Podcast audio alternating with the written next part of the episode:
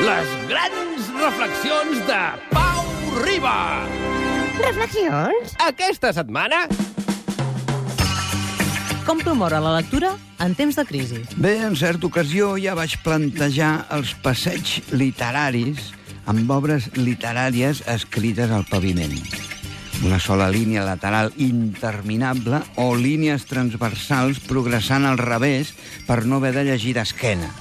Enteneu, no?